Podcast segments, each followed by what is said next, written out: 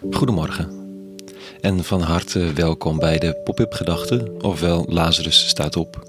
Ik ben Rico en ik schrijf overwegingen om de dag mee te beginnen. Vandaag met de titel Een storende God. Pop-up Gedachten maandag 31 januari 2021. We hebben zo onze manieren van doen ontwikkeld. Niet dat het allemaal van een leien dakje gaat in de wereld, integendeel, maar je doet je best met elkaar. Je doet een poging om eerlijk te leven. Je bent heus geen heilig boontje, maar je zet je echt wel in. Je hebt je verzoend met het feit dat je niet al je kleding ver kunt kopen, maar hey, je kunt wel minderen. En eten en drinken, nou ja, vegetarisch is al heel wat. Dat al die spullen nog in plastic zitten en in royale hoeveelheden. En dat is vervelend, maar je kunt niet alles. Het is storend als er te hard gewezen wordt op het onvolmaakte, als er te weinig oog is voor hoe de dingen nu eenmaal gaan. Ik lees vandaag weer over hoe de eeuwige inbreekt in de geschiedenis, in de verhalen over Jezus van Nazareth. En je denkt zomaar dat eindelijk aan de machten en de slechte er dan van langs krijgen en jij en ik de ruimte krijgen om te ademen. Maar is dat wel zo? Of is de aanwezigheid van zoveel bijna dwingende goedheid ook een bedreiging?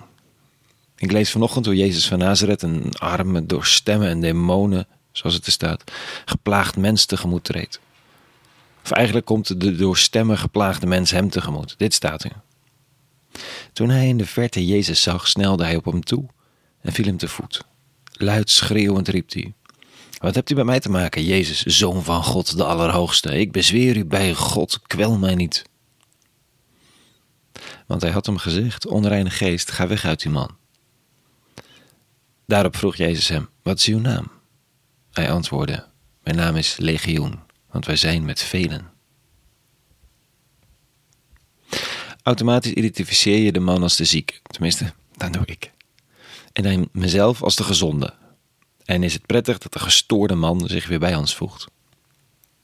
Echter in het vervolg, als de dorpelingen horen hoe deze Jezus van Nazareth de man heeft genezen, en hoe dat op onnavolgbare wijze een kudde varkens fataal is geworden, vragen ze hem om de streek te verlaten.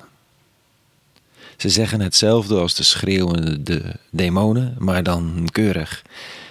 Kwel ons niet, verlaat de streek, het is niet te doen, die combinatie van jouw aanwezigheid en het ritme van ons leven. In de Gebroeders Karamazov van Dostoevsky komt Jezus van Nazareth in een beroemde scène weer eens op aarde kijken, in Sevilla. In de kathedraal daar wordt het lijkkistje van het zevenjarige enig dochtertje van een aanzienlijke inwoner binnengedragen. Op het moment dat Jezus het kind tot leven wekt, passeert de zogenaamde groot-inquisiteur de kathedraal. Het is een reizige grijsaard van bijna 90 jaar. Hij heeft alles gezien en beveelt zijn wacht die man te grijpen.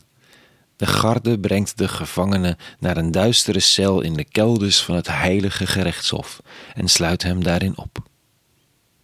De oude inquisiteur betreedt de gevangenis en spreekt Jezus aan met onder andere de volgende woorden: Maar u hebt het recht niet om nog iets toe te voegen aan uw woorden van vroeger.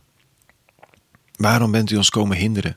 Waarom bent u ons voor de voeten komen lopen? Morgen zal ik u tot de brandstapel veroordelen en laten verbranden als de ergste ketter. Een scène die tot de dag van vandaag overal tot de verbeelding spreekt en geciteerd wordt in talloze literatuur. Waarom? Nou, omdat het blijkbaar herkenning brengt niet over het kwaad van de ander, maar over onszelf en onze heilig verklaarde systemen. Ons eigen privéterrein, afgeschermd van inmenging, inclusief de inmenging van de eeuwige zelf. Waarom komt u ons hinderen? Kwel mij niet, zegt de bezeten mens, in Gods naam nog wel.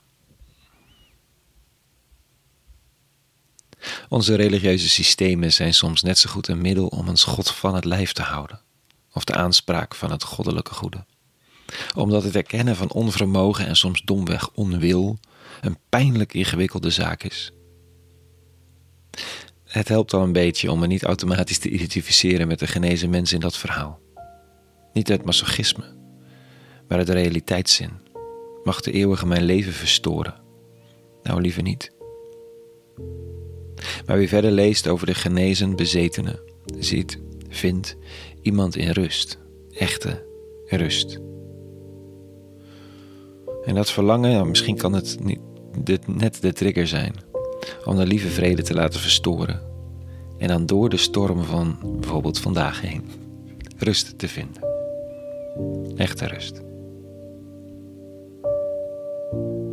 Tot zover vanochtend. Een hele goede maandag gewenst. En vrede. En alle goeds.